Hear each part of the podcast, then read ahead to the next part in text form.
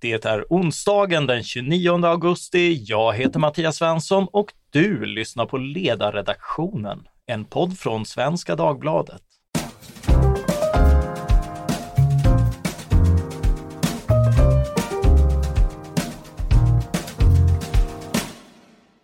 Dagens ämne är individens tillkomst och saknaden efter en klan och tillhörighet i det moderna samhället. Detta med anledning av en ny bok på just detta tema, Individens födelse, klaner i litteraturen, från Aiskylos till Karen Blixen, skriven av litteraturvetaren Johan Lundberg som vi har med oss idag. Välkommen! Tack så mycket! Jag ska börja med den fråga jag brukar ställa till bokaktuella författare. Vad fick dig att skriva den här boken? Eh, ja, på ett sätt så var det ju helt enkelt att jag har ett intresse för klaner sedan en lite längre tid tillbaka. Tillsammans med Per Brinkemo så gav jag ut antologin Klaner för vad det nu kan vara, fem år sedan. Och eh, sen har jag ju parallellt med att jag skrivit böcker och undervisar ju på Stockholms universitet i litteraturvetenskap också. Och eh, då har jag haft en del sådana historiska kurser från antiken och fram till renässansen ungefär. Och har man de där kurserna ett par gånger varje termin så får man ju, ja, så se, börjar man se vissa saker också. Och eh, jag har liksom kommit mer och mer att fästa min uppmärksamhet på just det här med klaner. Sen så rent generellt så tycker jag också att det finns anledning att i någon bemärkelse korrigera den nuvarande dominerande historieskrivning också.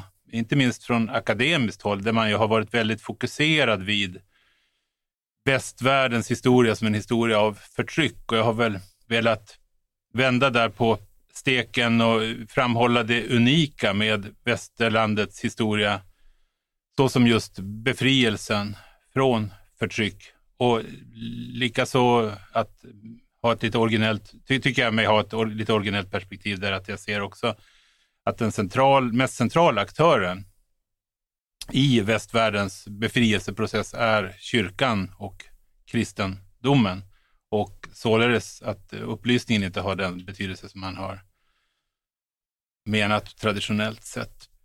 Ja, jag, jag tycker du eh, du lyckas väl. Jag, jag som eh, inte är bekant med, med litteraturen på samma område tyckte att den var tung i början, men väl värd att ta sig igenom eh, därför att det, det blev liksom en, en Eh, en mycket intressant läsupplevelse. Eh, du tar med läsaren på hur klaners destruktiva effekter upptäcks och kritiseras i västerländsk litteraturhistoria och, och hur en universalistisk individualism upprätthållen av statliga lagar lika för alla föds som eh, ett alternativ då. Det, det, är ju svårt att be dig sammanfatta, ja. men skulle du inledningsvis kunna, kunna ta med oss längs den utvecklingen? Ja, mm. jag börjar ju där med, det är ju i och för sig rätt naturligt att börja vid, i antiken och det folkstyre som skapas genom Klisternes reformer där på 500-talet före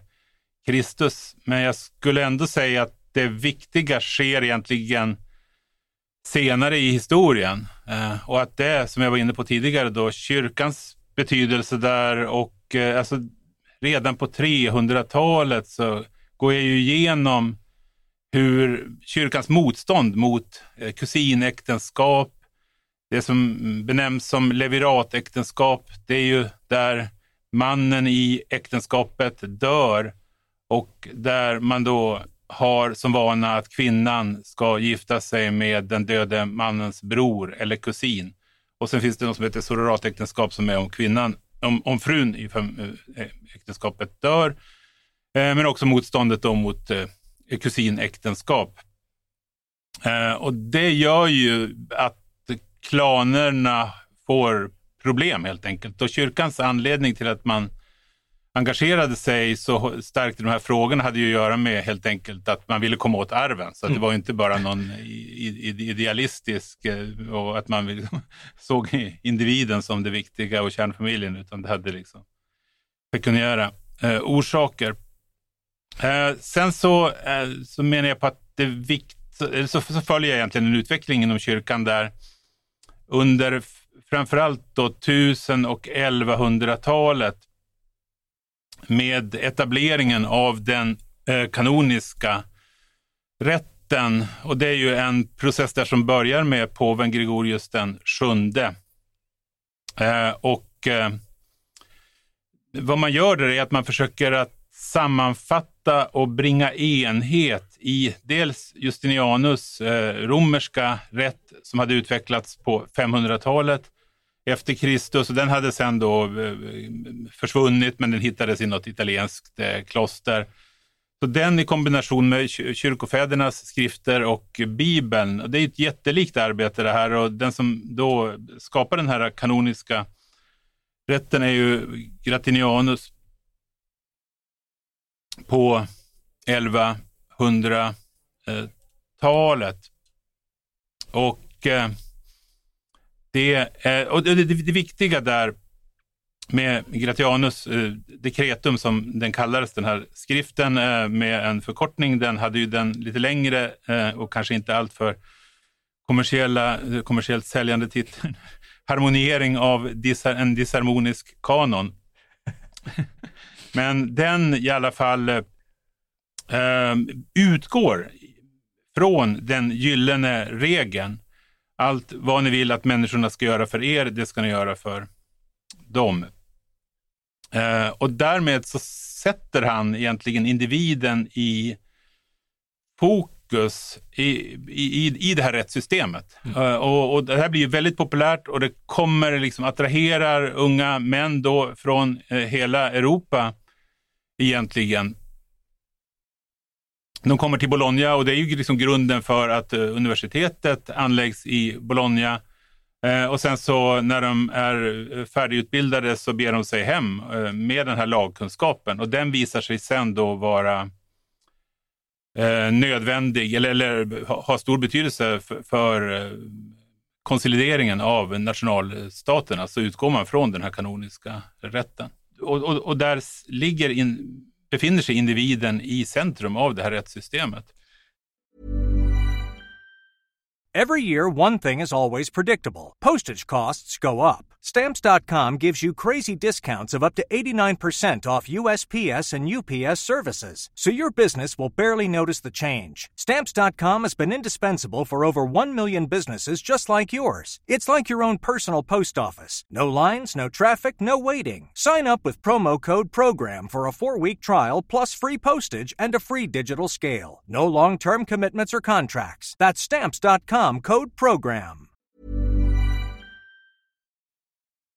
Ja, för eh, hur, hur såg rättvisan tidigare ut? Man hade väl, eh, det, det, var väl inte där rättvisan kom, utan, utan att den följde andra logiker? Ja, precis. Eh, och om man bara kortfattat ska säga vad klansystemet går ut på, så är det ju att det är kollektivistiskt i, i, i den bemärkelsen att eh, man kan säga att eh, alltså klanen är ju ett sätt att organisera samhället så att klanmedlemmarna erbjöds beskydd socialt, juridiskt, eh, kanske eh, ja, polisiärt förstås, då, ekonomiskt, militärt. Eh, och det är en organisation som bygger då på eh, släktskap.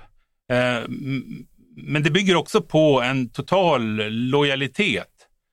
Eh, ens värde i klanen är baserat på klanens status som i sin tur är baserad på den här lojaliteten, så brister det i lojaliteten. Klanen är liksom inte starkare än dess svagaste länk och därför blir det väldigt eh, viktigt att upprätthålla heden. Och eh, sociologen Ernest Gellner har ju myntat begreppet kusinernas tyranni och det är ju väldigt träffande för just det här kravet på lojalitet och när det brister så, så går det ut över heden och man, man känner skam om kristendomen är en eh, lära baserad på skuld så är ju klanmentaliteten, där är ju skammen det viktiga. Det vill säga att man inför ett eh, kollektiv får skämmas och, och man stöts ut ur klanen också. Och klan, ens identitet i klanen är uppbyggd kring den här upplevelsen av en historisk kontinuitet som man befinner sig i. Ehm, klanen definieras av eh, att det, det, kanske det är påhittade anfäder och anmödrar, men, men lik förbaskat så, så har man en liksom kontinuitet eh, och, och, som, som definierar ens identitet. Och stöts man ut under klan, ur klanen så har man ju de facto ingen identitet. Och det här är mer eller mindre en självklarhet länge, men du beskriver ja. senare den brytningstid så, där man börjar ifrågasätta det här. Varför ifrågasätter man? Ja, det har väl, jag tänkte på, och också intressant är ju att klanens uppbyggnad ser ju förhållandevis likartad ut i olika delar av världen. Så det, det, allting tyder på att det här är liksom någon sorts utifrån ett naturligt sätt att organisera samhället på. Det, det, det fungerar och det gör att liksom de, man kan organisera sig i större och större grupper. Du kan få eh, fred ja, ja, men inte så, frihet. Nej, precis. Exakt. Eh, och att det börjar krackelera i Europa beror ju på att, ja men dels så, jag tror att det är alltså kapitalismens eh, intåg eh, är viktigt där helt enkelt. Och det visar sig att det finns mer ekonomiskt gynnbara sätt att organisera gemenskaper på. Eh, och, och, då har också den här just kyrkans betydelse för att lösa upp klanens släktband och kyrkans eh, betydelse för eh, att skapa kärnfam för, för kärnfamiljens framväxt eh, gör ju att man hittar men man upptäcker att det finns mer eh, produktiva sätt att organisera samhället på helt enkelt.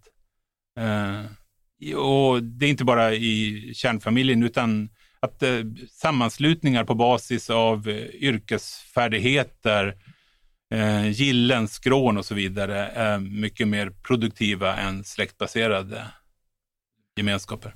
Och, och en del av kritiken är då mot, eh, mot våldet eh, och vendetterna och sådär, att det är ganska blodigt. Eh, ja, precis. Just klanstyret. Ja, och, och, det finns en trötthet innan man riktigt har klart alternativet. Ja, det gör det. Och hur, vad är det för en individualism som, eh, som växer fram? Eh, kyrkan är aktören, eh, staten är en annan aktör i det här. Ja, precis. Så det, det är ju viktigt också, konsolideringen av nationalstaten och att man då eh, utformar ett eh, lagsystem med utgångspunkt i den kanoniska rätten. Och det lagsystemet bygger sen på vissa fundamentala principer som finns fortfarande idag, skulle jag säga då, med, med eh, den eh, opartiska ämbetsmannen och, och, och, och, att staten i hög, allt högre grad också kommer att, statens funktion kommer att definieras som att staten ska fungera som garant för individen helt enkelt. Mm. mm. Eh, och, och, det här blir ju intressant därför att de senaste decennierna har vi ju snarare haft en diskussion som ställt staten mot individen. Eh, medan du eh, i det här längre perspektivet snarare ställer staten och individen mot klanens kollektivism. Är den motsättningen fortfarande aktuell och innebär det att det är fel att ställa individen mot staten? Alltså, det är väl inget fel. Det, det, det finns väl problem med naturligtvis en eh, stark stat och en stat som ger sig in på att styra mm, individen på områden där staten inte har någonting att göra. Så, så att, eh, men jag tror att generellt sett så kanske det är så att eh, ändå att man från liberalt håll har undervärderat statens positiva egenskaper. Mm. Eh, och eh, jag menar, i, idag står vi inför en situation när klaner åter börjar agera på svenskt territorium i Sverige helt enkelt. Eh, och, och, och, staten har, eller klanerna har, har, ju i Sverige varit frånvarande sedan ja, 12-1300-talet eller någonting ja. sånt. Va? Eh, och, det, och det innebär att man ställs inför nya problem. Ja, nygamla. Eh, häromåret kom det en bok som hette The Narrow Corridor av eh, Darren Asimoglu och James Robinson. Och den skildrar eh, att friheten följer av en, en statlig balansgång mellan att å ena sidan bli, få för mycket makt och bli despotisk och å andra sidan fallera i sitt grundläggande uppdrag. Eh, och, och vad de beskriver är att i det senare fallet, när staten fallerar, så blir människor kvar i vad de kallar a cage of norms, alltså starka normer som håller människor på plats. Eh, och, och, det ger då någon slags fred men inte frihet. Eh, det, det, låter väldigt likt det du beskriver som klankulturen och uppbrottet från den.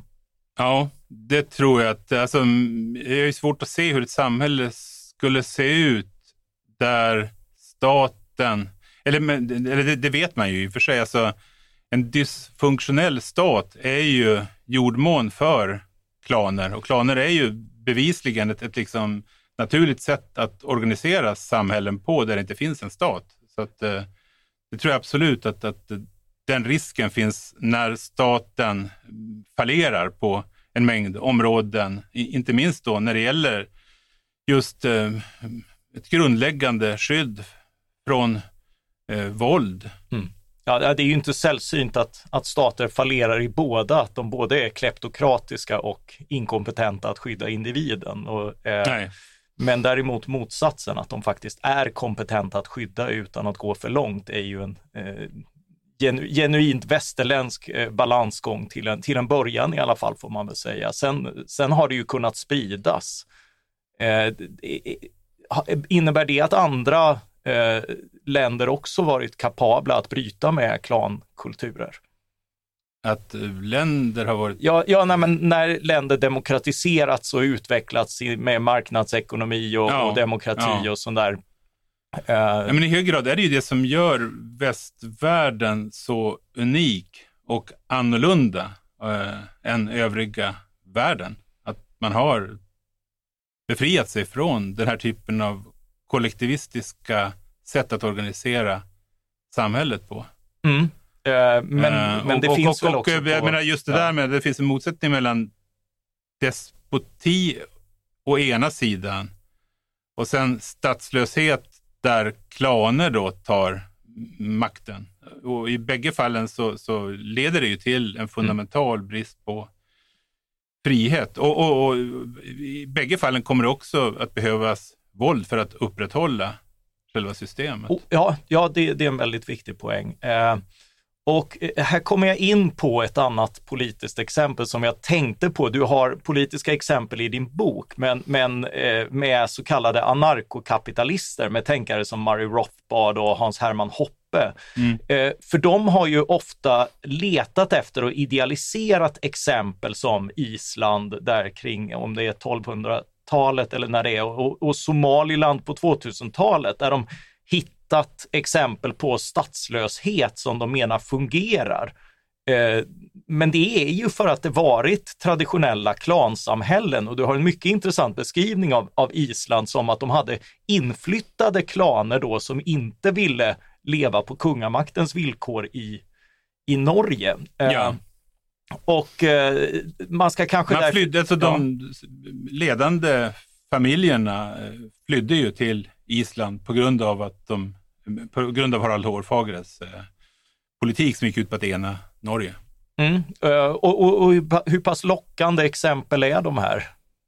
Ja, jag vet inte hur den är funtad som tycker att liksom Island på 1200-talet och Somaliland på 2000-talet eh, känns som några ideal att sträva efter... Ja, ja, nej, det har ju varit en, en, en udda, men, men just därför genom sin renodling menar, intressant jo, tankegång. För att den, den varit så eh, och, den tar ju den klanlogiken in i nutiden ja, menar jag. Ja. Eh, när, man ska kanske inte bli förvånad över att det är den här ytterligheten som har landat bland reaktionärer och nynazister som slutit upp bakom Donald Trump. Det är inte alla Trumps eh, anhängare, men de finns där och, ja. och däribland de här men det är lite bisarrt. Just som jag var inne på tidigare, så klaner är, har ju inte generellt sett varit speciellt effektiva för att generera, generera vinst och pengar.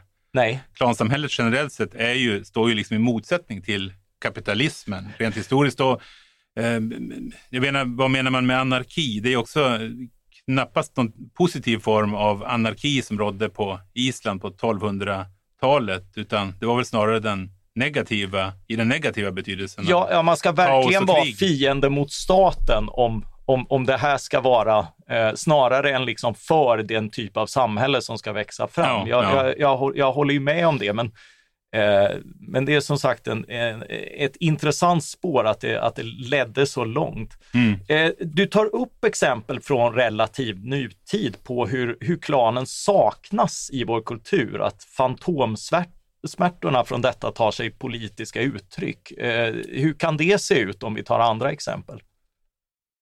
Uh, ja, men jag, jag, avläser ju det till exempel i Karin Blixens uh, författarskap. Då, men generellt kan man väl säga att det, alltså, det som man reagerar, eller det, det, det, det, det som får folk att romantisera eh, klanen som organisationsform för samhället är väl en uppfattning om att det fanns en samhörighet och en gemenskap i klansamhället som saknas i det moderna samhället där människan har förvandlats till ja, individer, till uh, fritt uh, flytande atomer, ja. eller hur man nu vill säga det. Som, där liksom individen saknar koppling till en större gemenskap helt enkelt. Mm. Eh, och, och, den här eh, Sverige, det, en, en sak jag tänker på när du är inne där på slutet, eh, det ska väl sägas, eh, Karin Blixen, hon är dansk författare va? Ja, just det. Ja. Eh, och eh, verksam på början av 1900-talet, eller?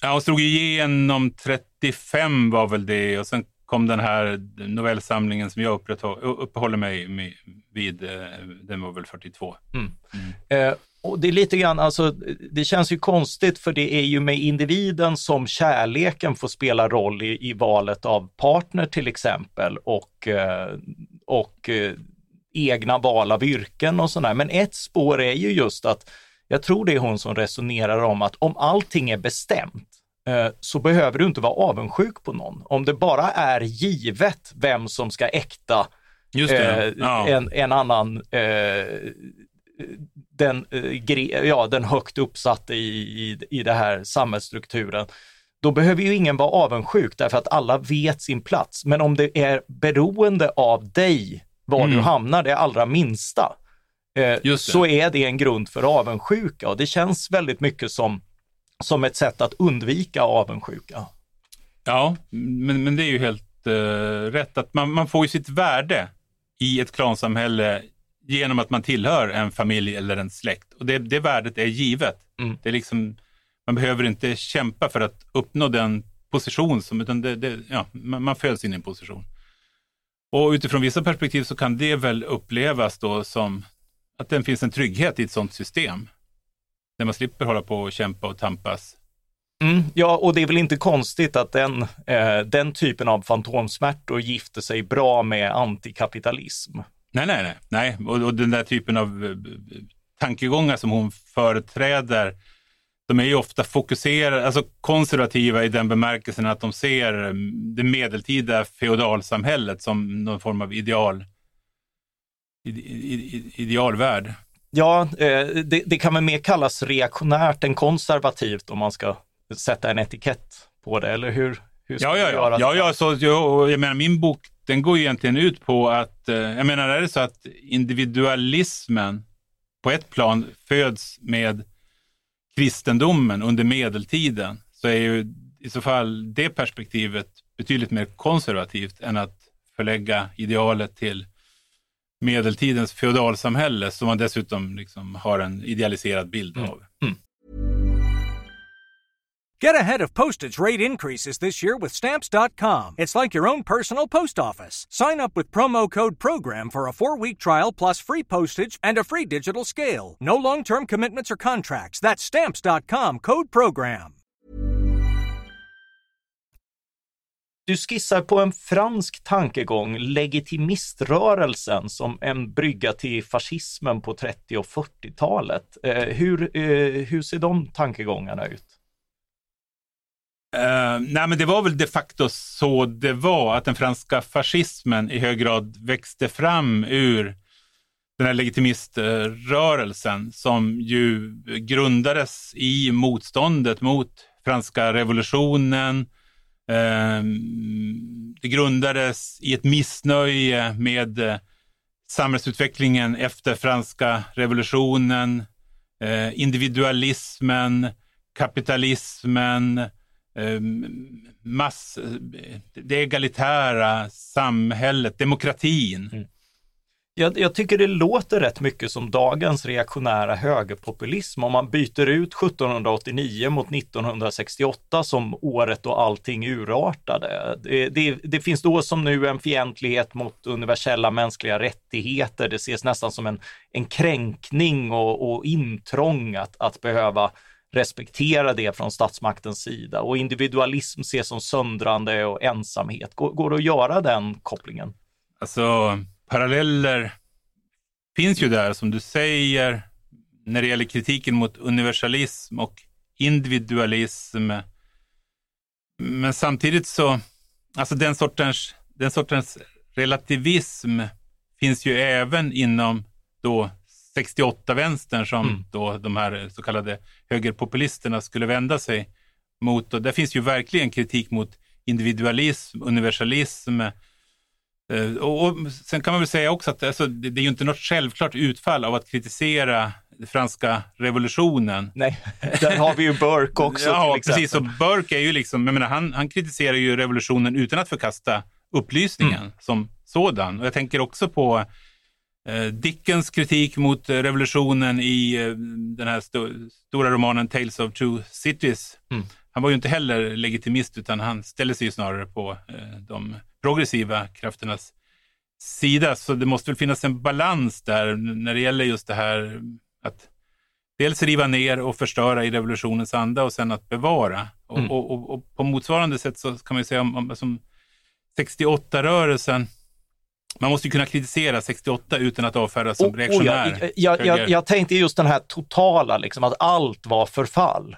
Uh, att, att allt startade då och allt det var, måste, måste liksom ja. rivas ner. Men å andra grunden. sidan ja. så, jag menar, 68-generationens radikalism ja, har generellt ja, ja, sett varit ja, rätt ja, det. Ja, var ju, ja och, och du är ju också inne på att det här, de här fantomsmärtorna formuleras ju till vänster också av Engels till exempel. Ja, ja, ja. Du inte, ja. precis. Så jag menar, 68, 1968s främsta representant i Sverige kanske är Jan Guillou. Han eh, förnekar ju eh, klankulturer, eh, förnekar hederskulturer, hedersmord, ja, ja, ja, hedersvåld där. och så vidare.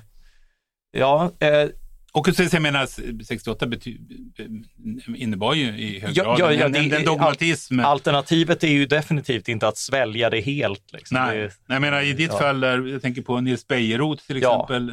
Ja, oh ja. En, en, eller högsta grad en frukt av 68. Ja, och alla de här kritiska perspektiven börjar ju som, som du har varit inne på och skrivit väldigt mycket om, de börjar ju som någonting piggt, att, att man vill kritisera någonting ja. och sen blir man eh, dogmatisk i, i att, att kritisera sönder precis allting ja, ja. Uh, och, och väldigt auktoritär i den tolkningen mm. och så har man etablerat någonting nytt. Så, så nej, jag menar absolut inte att, för, att, att, att förespråka motsatsen. Uh, sådär.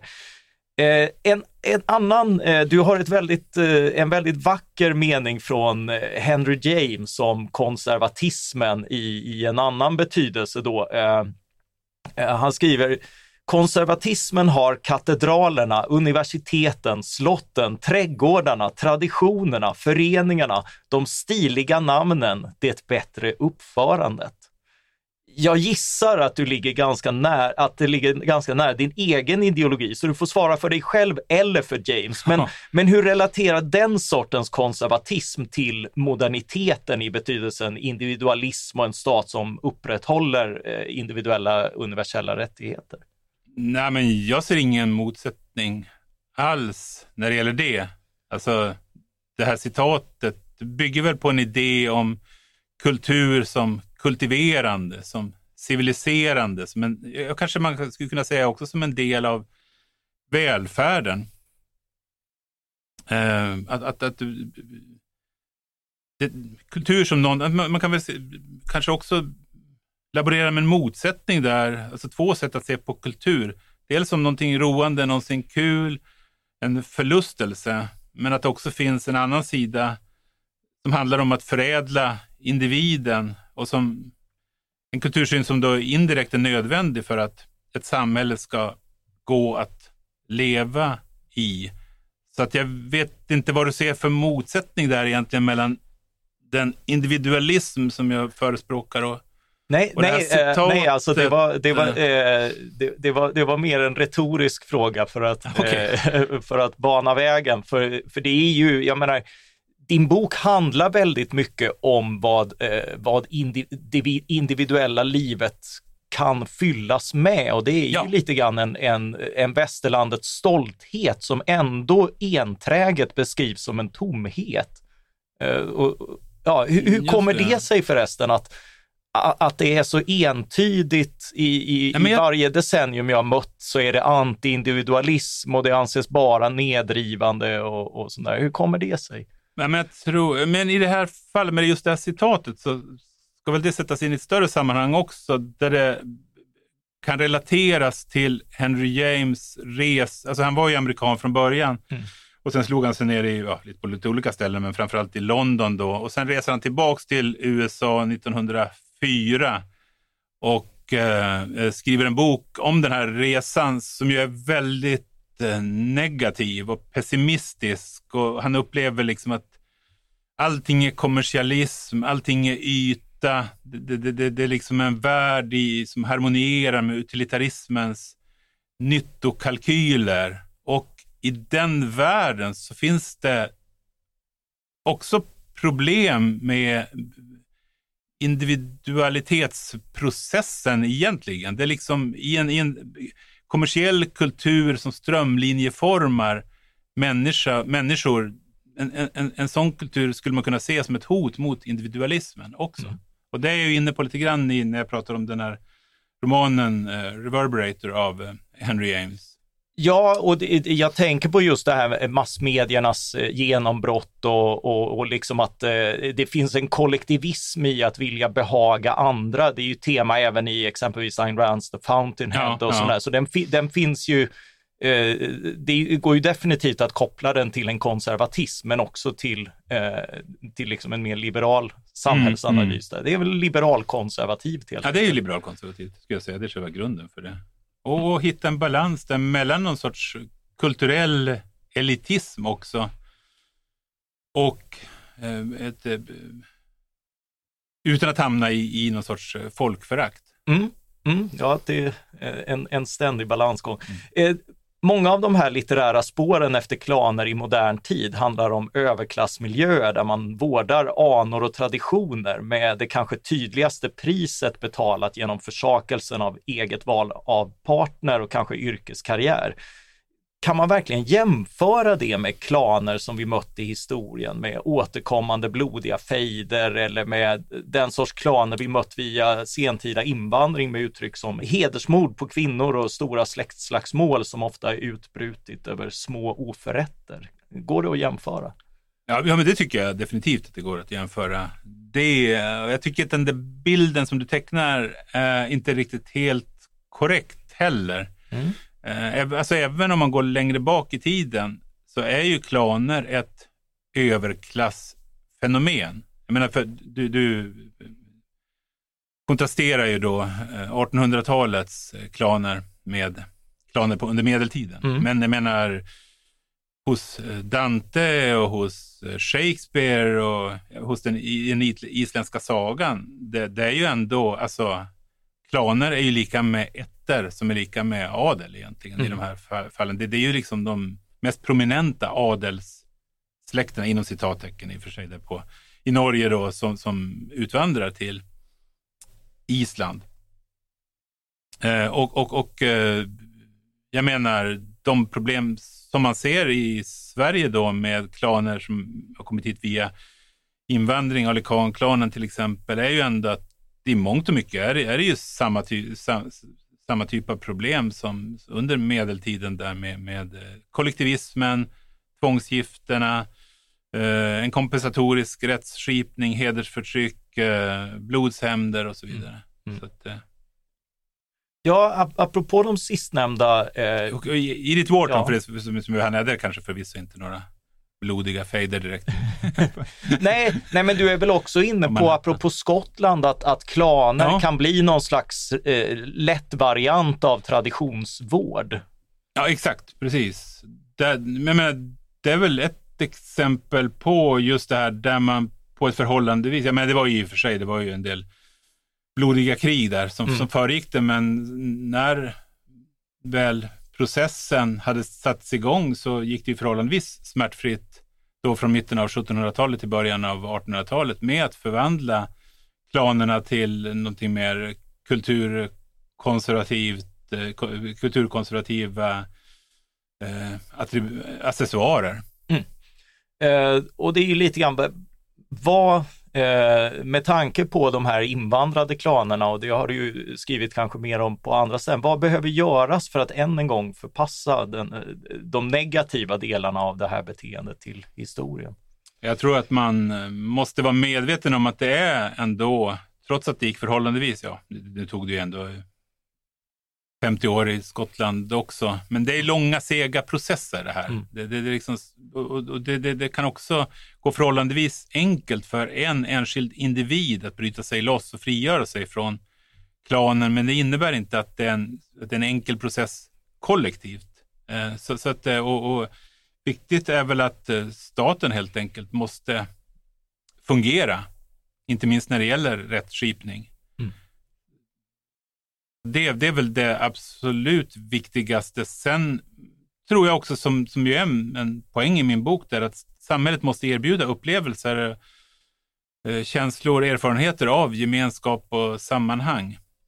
Och man måste slutligen överge den här naiva postkoloniala idén om att det, inte, att det är någon form av förtryck att prata om kulturella skillnader. För det är ju det som har försatt oss i den position som vi befinner oss i nu, att man har liksom bara uppfattat det som att det är helt oproblematiskt att människor flyttar till Sverige som kommer från klankulturer. Mm, att, eh, att man, man, har inte fått kritisera det, ifrågasätta det. Mm, nej, det har vi ju märkt på Per Brinkemos och även du har väl mött den ja. typen av, eh, av respons på tidigare texter. Eh, har, har, det, har du märkt någon skillnad i responsen av den här boken? Ja, men det, Nej, jag, det, har inte, jag har inte varit, det har inte knappt varit någon respons överhuvudtaget. Den kom ju ut så pass nyligen så det återstår att se. Men ja. jag tycker att situationen generellt sett ändå har gått åt det, i positiv riktning när det gäller syn på uppfattningar om hedersvåld till exempel, och mm. hedersförtryck. Mm. Eh, slutligen en helt annan fråga. Din bok bygger på erfarenheter från skönlitteraturen. Eh, är det är litteraturen eh, en bra källa för att skildra tänkandets historia och vinna förståelse för, för aktuella samhällsproblem?